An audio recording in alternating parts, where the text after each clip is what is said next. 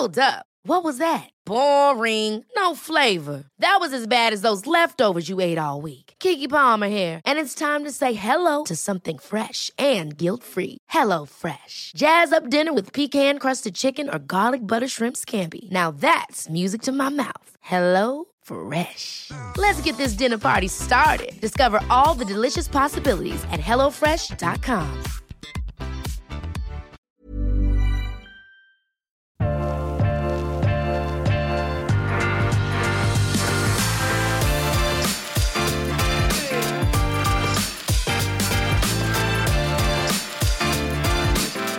I podkasten har vi en kjent og kjær vinkelner i Norge. Han begynner å dra på årene, sier han. Jeg vet ikke helt. Men eh, Simon Simon, eh, velkommen i studio. Tusen hjertelig takk. Og eh, det er jo slik at Noen ganger så er det sånn at det er lett å få et sånn klippekort for å komme i studio, fordi at man har så mye kunnskap at man trenger egentlig ikke å forberede så mye. Fordi at du sitter på din ende, der du har smakt titusener viner, eh, opplevd mye. Eh, jeg gjør det akkurat samme. Og så på midten så møtes vi bare. Men eh, du ga meg en liten eh, hinspill i hva vi skal snakke om, der vi både drar frem eh, amerikanske viner og selvfølgelig tyske viner. Men ikke blant de billigste tyske vinene, og heller ikke blant de ja, kanskje ikke dyre amerikanske kvalitetsviner. Men det er to fantastiske viner du har tatt med, Simon. Men først og fremst, hvordan har du det om dagen? Du har det veldig bra. Mm. Ja, det ruller og går, og ting er travelt, og Ja. det er my mye vin, Ja. selvfølgelig. Det er bra. Hvordan går forberedelsene til eh, konkurranser og sånt?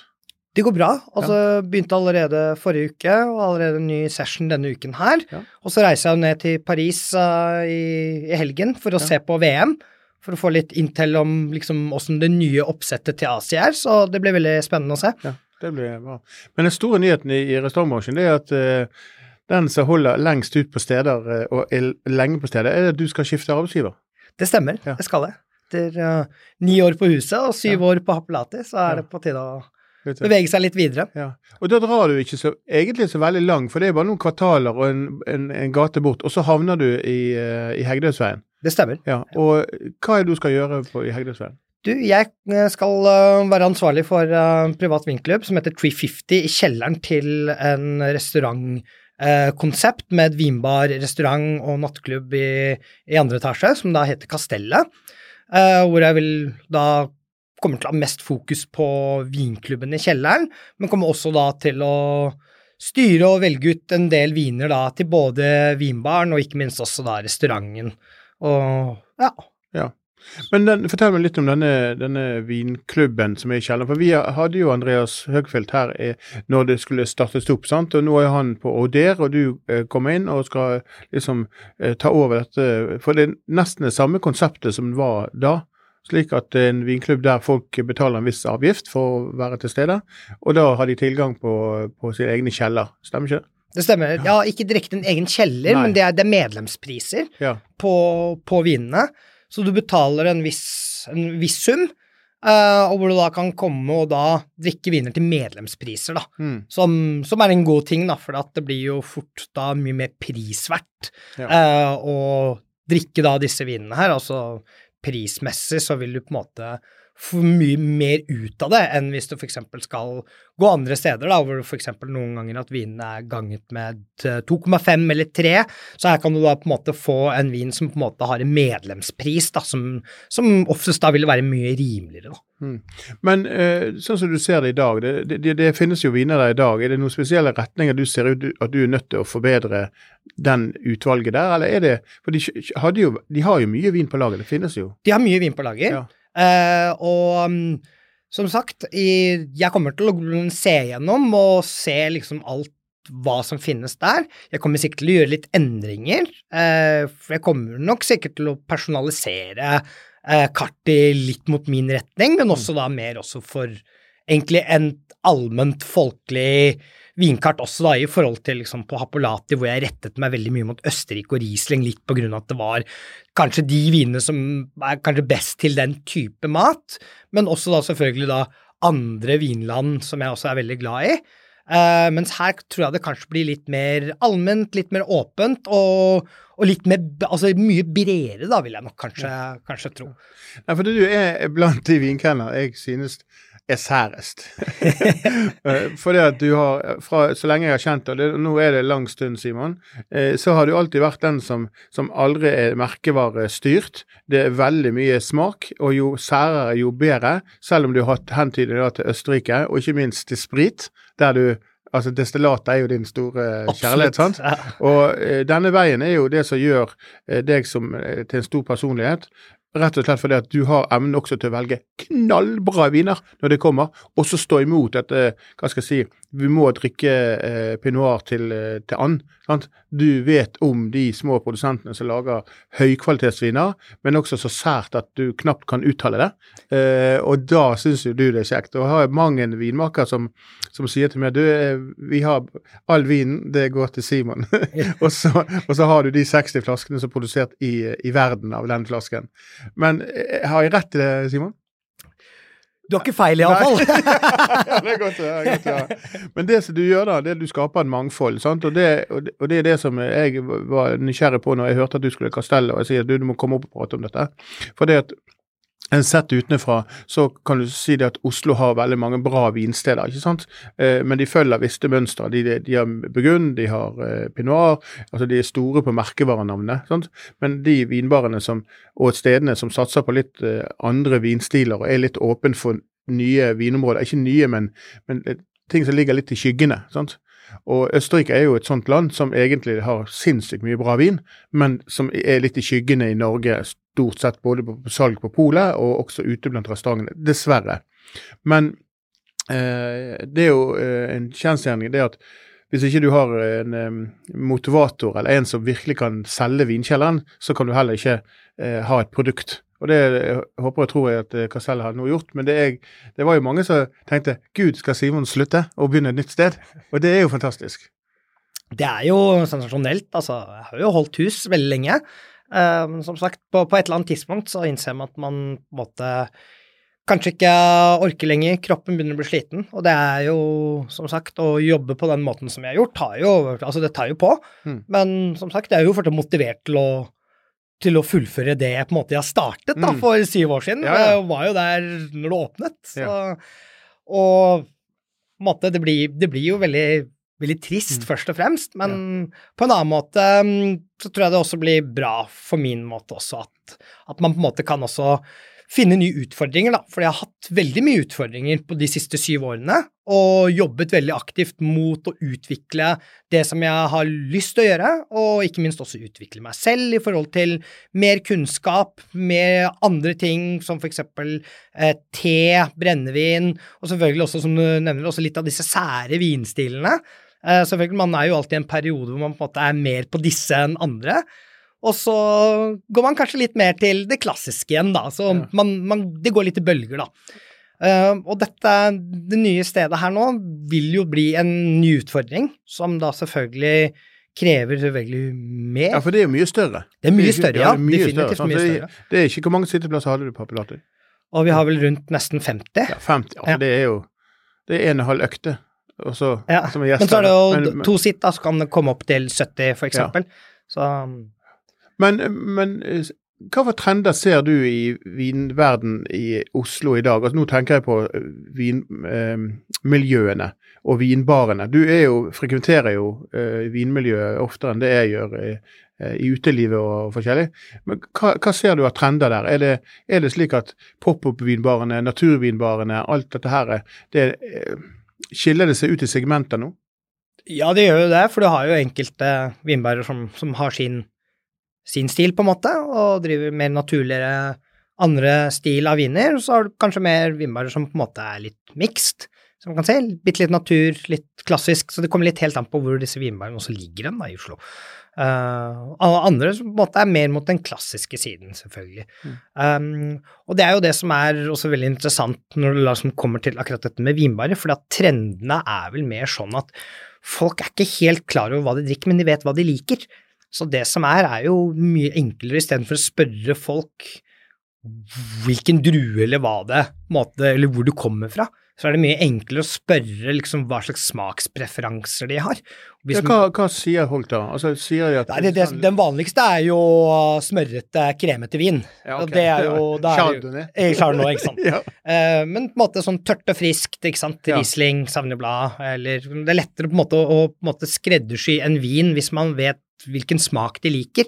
Ikke sant? Og da kan du jo plukke hva som helst, for du kan jo alltids finne vin i den smaken som, som de egentlig foretrekker, da, eller spør etter.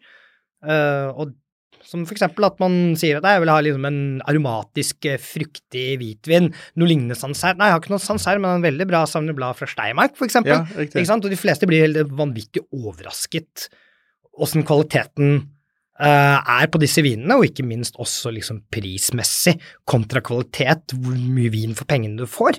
For å liksom for eksempel å prøve disse vinene som de fleste på en måte aldri har hørt om eller visst om, eller hvis det eksisterte. Så på en måte der tror jeg det også er viktig å på en måte å heller snakke mer om smak, og spørre hva folk liker i forhold til smaken istedenfor at det skal komme fra Burgund, for Burgund har jo 1050 ansikter.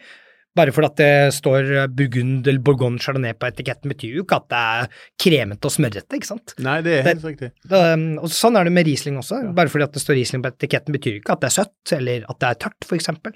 Det det, det er så mange ansikter i forhold til smakspreferansene. Det er et fint uh, uttrykk å bruke ansikter. For det, det, det, stemmer nok det med de titusener av viner som finnes både på polet og i restaurantene rundt omkring. Så er det ofte slik at det å beskrive smak Men det, jeg, jeg føler også det, det som jeg har inntrykk av, der folk er flinke til å beskrive smaken sin. Eh, og så er det da uh, selvfølgelig unntak, men, men, stort sett så begynner folk å bruke restauranter og bruke vinkartene langt mer interessante. For at Før var ofte ikke vinkart oppdatert så mye. Nå er det mye mer oppdaterte vinkart. Man ser det over hele linjen. Eh, og så jobber vinkelnerne mer sånn eh, hva skal jeg si, inn mot eh, kundegrupper som er interesserte for vin. og De, de trigger de med vinpakker, de trigger de med, med viner som de interesserer seg for. Eh, og eh, nå skal vi ha en liten reklamepause der Jon Trygve skal si noen velholdte ord fra vår annonsør, før vi tar Simon på ordet, og så skal han få lov å fortelle oss litt om disse to vinene som han har valgt ut. Og eh, jeg lover dere, dette her er knallgode viner. Yes, Vi skal ha litt reklame, og vi må jo fortsette å takke Temptech. Det er de som gjør denne podkasten mulig, og det er, en, det er, en, perfekt sponsor her, fordi det er nyttig informasjon, vil jeg si. Og den modellen som vi har lyst til å, å, å nevne fra Temptech denne gangen, det er denne eh, modellen som de kaller Prestige Pro, som er et, et, et skap laget for på en måte den typiske samleren, smartphone-typiske samleren, men også dere som og det inkluderer ø, oss, Svein, vi som er uh, frustrert over at det ikke er plass til champagne i vinskapet ditt. Det har jeg merket i det siste. Jeg gjorde den grassale feilen at jeg bestilte et vinskap da jeg bygde om kjøkkenet mitt, og der var det ikke plass til champagneflasker i alle hyllene. Uh, så jeg kjenner meg igjen i dette. Men hyllene i, i dette skapet til Temtec de er designet for å kunne lagre alle flaskestørrelser fra Bordeaux, Burgund, Champagne, Riesling, men også da enkelte magnumflasker, som er en stor fordel. Hvis du skal ha ett vinskap, så bør du ha plass til alt mulig. Um, og så har de denne tingen som er nevnt tidligere, som er litt unikt med disse Temptex-skapene. Det er denne label views. Du kan vise frem noen av flaskene dine til deg selv eller, eller gjestene dine. Eh, og så har de selvfølgelig alle de tingene som gjør et vinskap til et vinskap. Eh, stabil temperatur, luftfuktighet, you name it, they have it. Uh, og som vanlig, disse skapene du, får du eksklusivt hos, hos Power, hvis du er interessert i et vinskap. Hvis du ikke fikk et vinskap til jul, ikke vent da til neste jul, ville jeg foreslått. Skaff det nå. Kanskje det er januarsalg, hva vet jeg? Jeg har ikke peiling. Er, jeg fortalte ikke Temtec meg. Men skaff deg et vinskap nå, og vær trygg resten av året. Du vil ikke angre. Hilsen Temtec, og hilsen oss. Og Da er vi tilbake fra reklamen, og et vinskap er ikke et vinskap etter at Jon Trygve har snakket om det. Det er helt sikkert. Men Simon, eh, hvor mange viner finnes det i det nye stedet ditt eh, per i dag, og hvor mye vil du ha når du er ferdig? Det finnes jævlig mange, og det kommer til å finnes enda mer. okay. Så det er en av de store vinkjellerne som skal vises frem. I, I, alle tilfeller så gjelder det å besøke Jeg har forstått sånn at du starter like etter påske? Det stemmer. Ja, etter påske. I, i år. Stemmer. Sant? Og da tar du vekk påskepynten, og så møter du deg nede i kjelleren der. For det er der du skal råde grunnen. Nei, det stemmer. Ja. ja. Jeg gleder meg til å komme og besøke deg. Men det er jo slik også du har, du har litt lett matservering og sånt nede. Det er noe vi også kommer til å snakke om underveis. Det er jo et eh, konsept som er under utvikling. Ja, Og det er det, som, det er det som gjør det også så spennende, for at det på en måte man starter ikke, kaster seg ikke inn på noe som på en måte allerede er 100% satt. Det er en Det kommer til å utvikles, og det er også det som kommer til å være oppgaven min nå da, uh, gå inn og utvikle det her mer og mer. Eh, og det er jo det som også kommer til å bli interessant. Altså, det kan hende at det kommer til å være mer mat, det kan hende at det kommer til å være mer smakinger. Uh, jeg har jo veldig mange Det er jo gode helt sikkert ressurser. det blir. Ja. Jeg har jo veldig mange gode ressurser hvor man kan Ja. få tak i ikke nødvendigvis bare ferske, ferske årgang, men også da en kan mye eldre vin også. Jeg er veldig glad i gammel vin, Uh, og liker å vise fram viner med alder som er fantastiske. Eh, og når på en måte vinene er i en sånn drikke all- eller drikkevindu hvor de på en måte viser seg veldig flott, så fins det ikke noe bedre enn på en måte bare å ta en smaking av den kategorien av de vinene, eksempel. Så det, det, det finnes jo mange muligheter man kan gjøre. Eh, det finnes også på en måte litt av den utviklingen vi også skal gjøre, er at vi også kommer til å dele opp medlemskapet litt, sånn at det kommer til å være litt enklere mm. å på en måte komme inn, da, hvis man kan Ja. si det sånn. da. Vi, Ja, for døren er jo på en måte åpen for alle, men du eh, men du, du, du, det kommer til å utvikles litt. Og det kan jeg i hvert fall forsikre lytterne på. Sånn jeg kjenner deg, Simon, så vil det bli et fantastisk produkt, et veldig engasjement, og ikke minst eh, hva skal jeg si, en eh, iver til å fortelle. Og det tror jeg du må være forberedt når du kommer på besøk, og Simon i slaget. Det at det kommer en- fire-fem historier og en, en input på sidelinjen hvis du ønsker det. Men har også muligheten til å være litt i fred hvis man ønsker det. Men ehm, vi skal vel rett og slett bare hoppe i det her med, med viner vi har fått, fått til. Og hvis du skal eh, kjapt oppsummere Tyskland i, i Norge og i, i, på vinmarkedet i Norge i dag, hva syns du om tysk Riesling, ærlig talt, eh, Simon? Beklager, men det er jævlig godt da, når det først er godt. Ja. Eh, men det er jo mange som lager veldig god Riesling i alle kvalitetsklasser. Altså alt fra disse litt enklere, crispe, lette Riesling-tråkkene til de mer konsentrerte gåseske vekstvinene.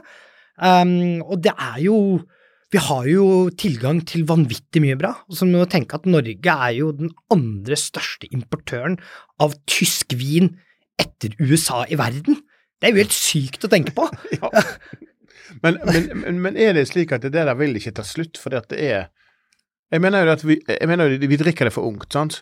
Vi drikker de eh, gode og de store vinene, de drikker vi ofte for ungt, sant? Som oftest, men Ja. noen ganger så kommer det jo årganger som, hvor de drikker veldig bra ungt også. Ja. Uh, og det er jo det som også er veldig interessant med Riesling, at det er en så utrolig sårbar drue mot klimat. Så enkelte årganger er veldig tilgjengelige, veldig åpne, mens andre er veldig stramme, veldig lukkede og trenger gjerne litt tid, da. Mm. Og det er jo det som er så flott, for hvis man bare hadde hatt bra årganger hele tiden, så må man jo bare vente på alle vinene Uh, hver eneste gang. Men noen ganger så er det deilig at man får årganger som er mer drikkeklare årganger, hvor man da kan drikke de med god samvittighet mens man venter på de som skal lagres, for eksempel. Ja. Men foran oss så har vi en eh, etikett som ser ut som en sånn her, eh, hva skal jeg si sånn Babyfarget blåfarge. Eh, men det er da vengutt Robert Weil. Og fortell meg litt om denne Rieslingen som du har tatt- med i studio. Altså, Robert Weil er jo en ganske legendarisk prosent eh, når vi da kommer til Reinga. Det er en av de produsentene som ikke ligger langs Rhinen, så de ligger på en måte litt lengre oppover i dalen, en liten landsby som heter Kidrich.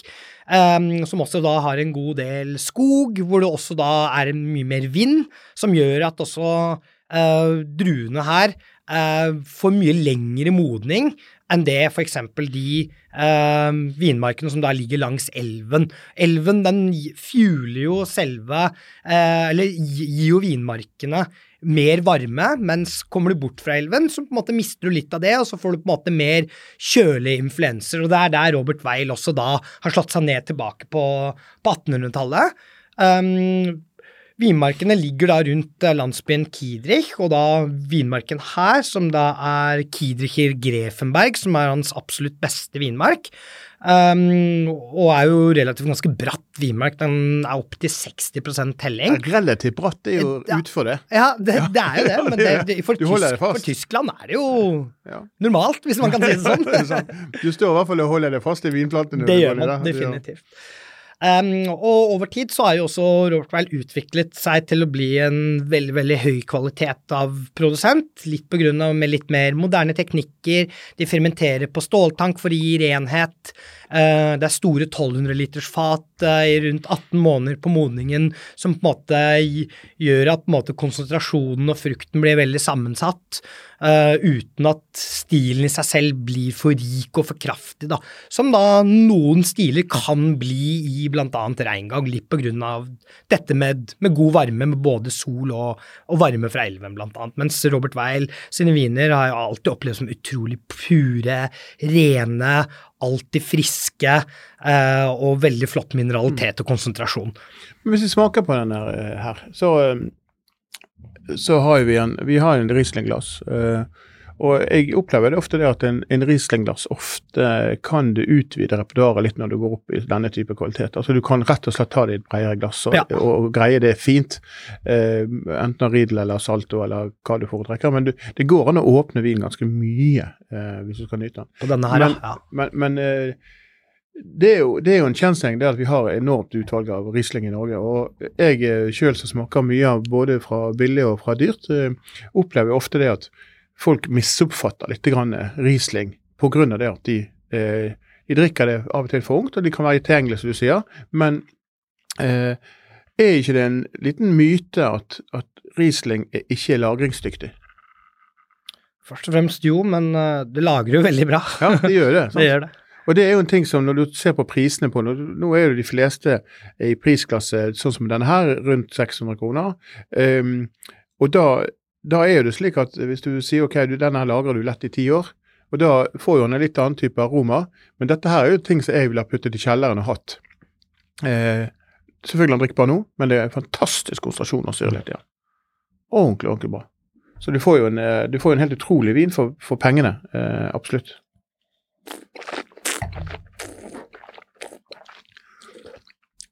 Men får du, får du assosiasjoner til eh, andre produsenter som kan ligne litt på Robert Weil, som, som du kan komme litt på nå og nå, som leverer den type kvalitet?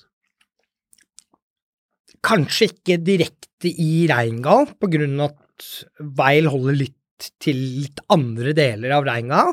Eh, kanskje det nærmeste i Reingal vil vel kanskje være Eva Frikke ja, Eva Frikke. Lager også ekstremt pure, rene viner litt ja, på samme ja. måte. Hun jobbet for Lines en periode. Ja, det stemmer. det stemmer. Ja, Hun har jeg møtt en gang. Hun er svært dyktig. Mm.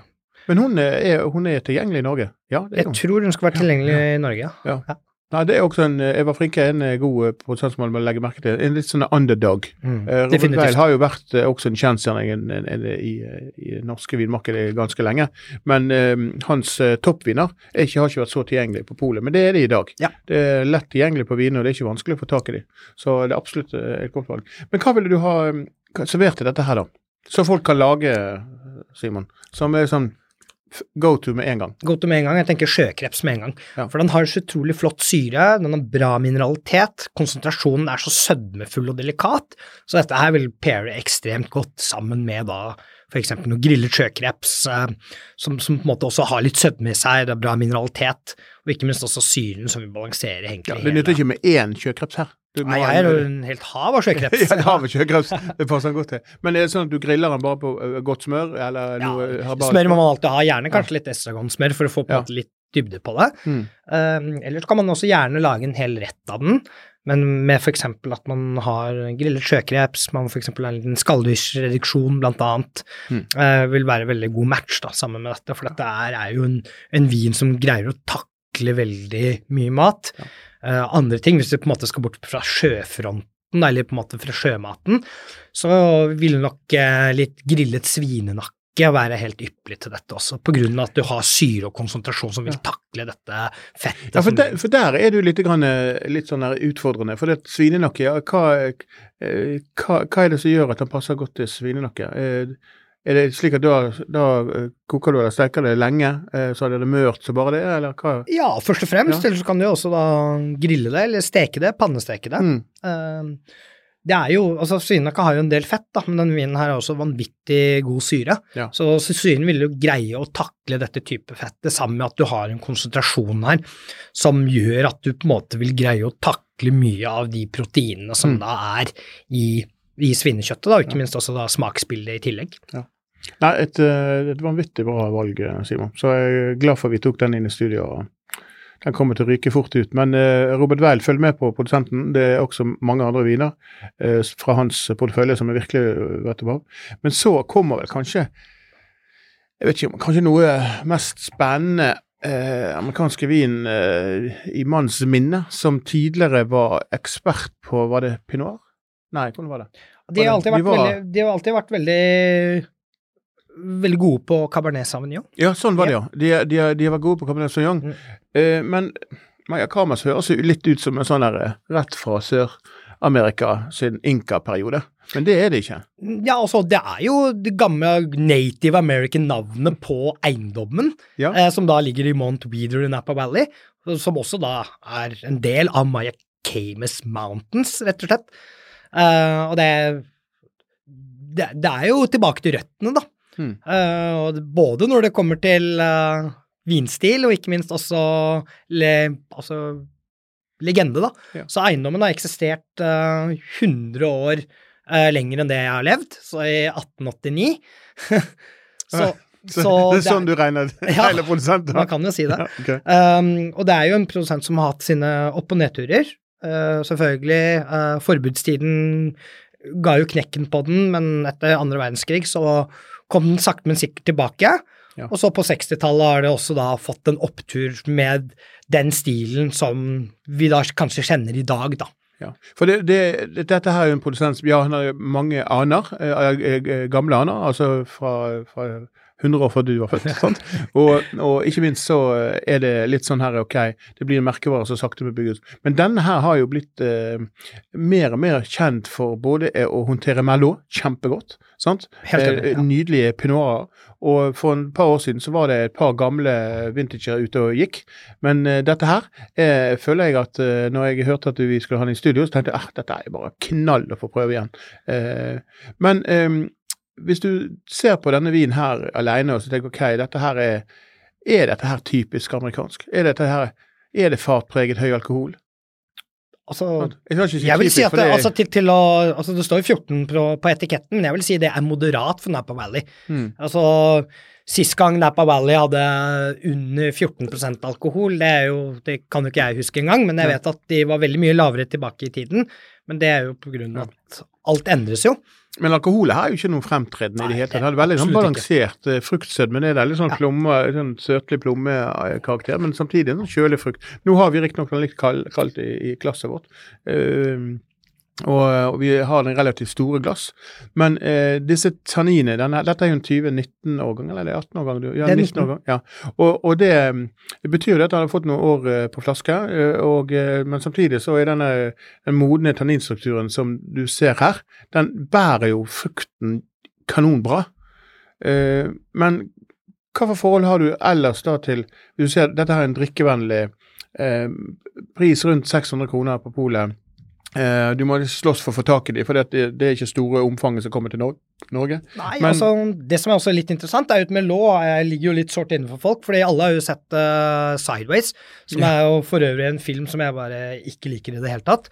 Um, og, og Sideways gjorde jo veldig mye med Melot-plantingen i Napa. altså Folk begynte jo å rive opp eh, begynte å rive opp vinmarket fordi at den lå og gikk ut av mote fordi at de sa at det var dritt i en film. Ja. Ikke sant? Eh, mens Maya Kamas var jo en av de som på en måte valgte å beholde, fordi at de er jo også en produsent som aldri har fulgt trender, som eksempel rundt 90- og 2000-tallet med den Parker-bølgen, hvor alle begynte å ekstrahere med høy alkohol, 100 eller 200 nye fat, så valgte Maya Kamas å stå på sin stil og på en måte ikke følge trender, da.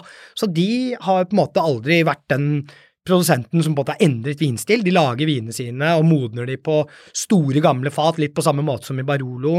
Eh, de valgte ikke å rive opp Melon sin, så her i denne her har vi også Melon som er jo ganske godt over 30 år i alder, som er jo egentlig ganske perfekt. du merker det på konsentrasjonen på vinen at dette her er real stuff. altså. Mm. Det er det, det er det. Eh, Og lagringsdyktig så få. For disse tanninene her de er ikke avslipp nå og ferdige. De Nei. her er present i, både i munn og svelg. Så det er, Men eh, hvis du tar og, og så kobler det opp med mat og, og tenker litt sånn der, eh, OK, det er jo veldig lett å si kjøtt her. altså Det må Mm. man nesten gjøre. Mm.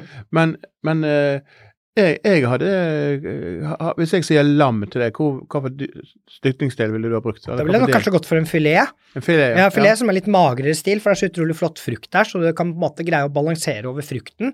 Um, ikke nødvendigvis at man kan Man kan jo gjerne liksom ha en ytrefilet med en liten fettkamp på, på toppen, det vil jo også funke, men jeg vil tro at dette her krever kanskje mer pure, rene, delikate eh, smaker, da, som Ja. eksempel da indrefilet av lam med eksempel noe bakt jordskokk og for eksempel kanskje en liten sennepssaus, eller sånn sennepssky, Ja. blant annet, vil Ja, for du fortrenger litt sånn salt eller skarphet inni i sausen. Ikke så veldig mye saus, Nei. men litt grann, så bare Ja, toucher. litt. Ja. Eller så kan man også da eksempel crispy duck hadde dette her også vært helt fantastisk til, ikke sant? For du har jo mye fylle og mye smak der. En Eh, crispy duck til hver, eh, Simon, hadde vært noe her. Ja, det hadde det, det hadde det. Vi manglet noe i podkasten, jeg skjønte det. Men crispy duck, ja, ja det har du rett i. Og det er jo nødvendigvis ikke det første du tenker på når du holder på med vin her. For det, crispy duck, da tenker jeg liksom ja, ok, jeg tenker litt pinot og den veien der. Men du kan si at den har et, eh, noen tre-fire lag over med konsentrasjon av seg, og med tannin og struktur i den. Men samtidig har den en relativt eh, eleganse, denne vinen, som gjør at det, ah, hadde ikke det vært for at han hadde noen ekstra lag med alkohol og tannin, så hadde dette her vært en eh, lettere vin. Altså det har vært en Merlot. Ja, si absolutt. Sånn. Ja. En ting som jeg også tenker litt på, for du har jo, liksom, man må jo ikke glemme at, eh, at det er jo ikke bare Melot som er dominant i den nye verden. Altså Man tenker at alle disse store, flotte Santemillion Pomerol-vinene er jo Melot-dominerte. Ja, ja, Ikke sant? det Og det, det er kanskje hvis man sier at «Nei, nei, jeg liker ikke Melot, men du drikker Pomerol. Ja, Ikke sant? det må man ha. Det, så det er jo litt ja. sånn. Um, det er en annen ting, en annen rett som jeg tror kanskje kunne vært utrolig flott i den vinen her, er jo en klassisk eh, eh, belgisk voulava. Uh, Det må du fortelle meg litt mer. det er kanskje en av de flotteste, diggeste hønse- eller kyllingrettene jeg har vært borti. Um, det er på en måte en sånn en sylinder med puff pastry med lag av kalvebrissel imellom. Og så blir den fylt med da en, en kremet masse av morkler og kylling eller høns, altså hovedsak lår, eh, og er helt strålende når det da kommer eksempel til sånne typer viner, sånn som Merlot, kanskje gjerne med pinot med litt alder, litt ting som på en måte krever litt delikat frukt og litt syre, da. Og gjerne, dette er jo veldig fet kost i tillegg, så det vil jo greie å takle intensiteten av denne retten, da. Du lett Du er en god selger, eh, Simon. Så det der fikk jeg jo lyst på umiddelbart, selv om jeg ja, sannsynligvis allerede har smakt det før. Men, eh, men det er sant, det. Men eh, det amerikanske vinmarkedet i, i, i Norge, hva syns du om det i dag kontra eh, for 10-15 år siden? Hvilken retning ser du også det går i? Eh, nå. For nå har vi jo etablert de store stjernene, sånn som Ted Lemon og alle disse store. De har liksom etablert seg. sant? Og så ser du noen sånn veier i eh, Sånn som denne Maikamas kommer jo liksom som en sånn bølge et par ganger i året inn og ligger litt i skyggene. sant? Eh, En er fordi at eh, den ligger hos en importør som, som eh, som ikke er så aktiv som mange andre. sant? Kvalitetsimportør, men det er sånn det, Hvor ser du denne amerikanske verden gå i Norge? Altså det, den går jo i en positiv retning. Jeg husker jo tilbake i tiden hvor jeg begynte å kjøpe veldig mye amerikansk vin, for jeg så på et eller annet tidspunkt at vi kommer til å få for lite burgund i denne verden. Så jeg begynte å kjøpe masse californsk vin, både pinot, chardonnay og ikke minst også litt cabernet i tillegg. Um, som jeg egentlig er veldig glad for at jeg har gjort i dag, for at eh, det har gått en sånn retning hvor folk er kanskje mer tolerante mot, mot eh, amerikanske viner. For Før var folk litt anti. bare sånn, Å nei, det er liksom altfor søtt, og det er altfor eika, og det er altfor stort. Men man må også tenke at selve trenden på å lage disse vinene her i USA har jo også gått en helt annen vei. Altså I dag så finnes det jo noen produsenter som lager jo mer burgundsk eh, pinot noir i California enn det Burgund lager selv. Så det er jo det er jo vært en veldig flott utvikling. Man ser jo mer og mer eh, salg, og ikke minst også et marked som vil ha Men, det mer. Men ser du frafallet av Robert Parker også der? Altså sånn at han, Ja, han blir bare skygga Ja, ja, det er. Norge er vel kanskje en av de få landene som på en måte ikke er veldig sånn poengbevisste, eller sånn dominerte. Altså selvfølgelig poeng i, i den internasjonale verden. Ja, altså inn, inn Mm. poeng som er gitt inn mot internasjonale Ja, internasjonale internasjonale er egentlig det jeg Ja, mente. ja. Robert Parker, James Suckling, alle de tingene der. Jeg tror ikke det er så veldig mange som bryr seg så veldig mye om, om akkurat det. Um, som igjen kanskje kan være en positiv ting, for disse folka her har jo en litt mer broader taste, hvis man Mm. kan si det sånn. da. Uh, som også har gjort at vi har fått veldig mange flotte produsenter som kanskje har, um, treffer den nordiske paletten bedre, da. Altså rene, elegante, friske, eh, pent eika, konsentrerte viner. Eh, godt eksempel er eksempel Domaine Lacotte, Sander Ja, eksempel, ja. Gavin Shannon Ja, som er i landet akkurat ja, ja. nå, eh, ikke minst. Så det, det, det, det Man har sett en utvikling som har vært veldig positiv, da. Og man ser hvilke marked som, som treffer det. Er, Norge er jo blant annet en av de. Det er ikke tvil om at eh, amerikansk vin er noe av, det, beste man kan få tak i også på polet, også når det gjelder pris litt. Grann. Men prisene går jo opp, det gjør det på mye. Prisene Men, går jo opp, det, definitivt, men som eksempel hvis du sier denne Maikamasen her, den koster er 600 kroner. Mm. Eh, du skal lete lenge for å finne en god pommerol til 600 kroner som treffer samme kvalitet. Mm. Så da må, ja, er gjerne, da må du gjerne opp et par hundre kroner. Ja. Eh, og det er jo det som er også veldig interessant med amerikansk vin. Du også, det altså amerikansk eller California seg selv da, ikke produserer jo så vanvittig mye vin, så det finnes jo så mange å ta av. Eh, og selv om det er kanskje én liten prosent som kun lager da 20 000 flasker, så spiller det ingen rolle, for at eh, du har 100 stykker som gjør akkurat det samme, så hvis du på en måte ikke får tak i den ene, så kan du på en måte hoppe over litt over til den andre. Så, så det, det, det er jo et, et vinland, eller et vinområde, som, som jeg personlig er også veldig glad i. Eh, Hva er det beste polet for amerikansk vin? da? det er Aker Brygge, Mm. definitivt. Det Det er veldig mye god amerikansk vin der. Og Skøyenpolet også? er Skøyenpolet er også veldig bra. Og så dukker det opp alltid litt sånn kuriositeter i ny og ne på de forskjellige polene. Ja, det gjør det. For det, det å følge med på polet er jo en, eh, på å si, en eh, hobby for mange, Ja. eh, inklusiv meg sjøl. Og det handler jo også om, om å både bruke Vinpolet, og det tilleggs også vårt eget uh, Vinify. Og det som du da gjør, er bare at du passer på å ha et lite søk på polet som får enten i retur eller bestiller noen flasker for mye. Sånn at de bestiller en kasse med en uh, Hirsch f.eks., og så sitter det åtte flasker igjen uh, og overvintrer. Og plutselig har du en årgang som er ferdig lagret uh, på Golpolet f.eks. Det er en liten tips å gjøre.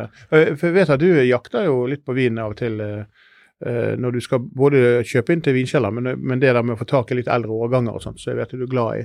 Jeg scouter litt hele tiden. Ja, jeg liksom for dette er jo et marked som er veldig, veldig sterkt om dagen, spesielt på fine wine. Så er det jo et marked som, som gjør at prisene er veldig høye.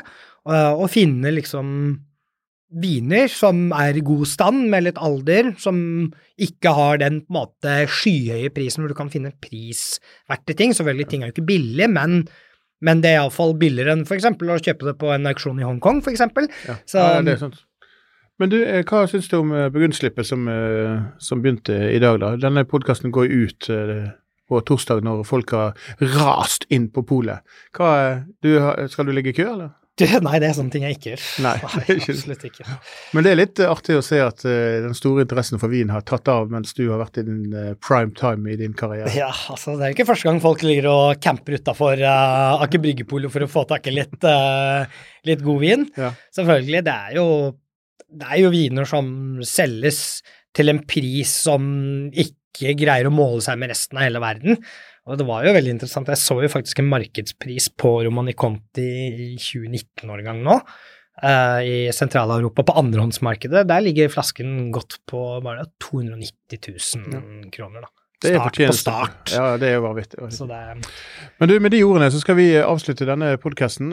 Vi har jo eh, Det er alltid hyggelig å ha deg på besøk i podkasten, Simon. Eh, Vi gleder oss til å gjøre følgende. Jeg tror vi skal komme til Kastellet, og så gjør vi en podkast live med deg der inne. Der vi skal både ha litt spennende nye ting, eh, og så tar vi en liten tur. For vi skal ut på tur med Ja, det synes jeg. jeg. Og da kommer meg og Jan Trygve med hele arsenalet med folk. Og så tar vi inntil da og sier skål. Og vi kommer på besøk. Herlig. Takk for at jeg fikk komme. Det var hyggelig.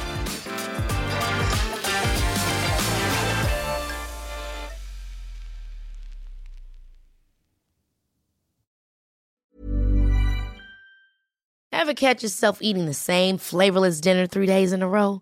Dreaming of something better? Well, HelloFresh is your guilt free dream come true, baby. It's me, Kiki Palmer. Let's wake up those taste buds with hot, juicy pecan crusted chicken or garlic butter shrimp scampi. Mm. Hello Fresh. Stop dreaming of all the delicious possibilities and dig in at HelloFresh.com. Let's get this dinner party started.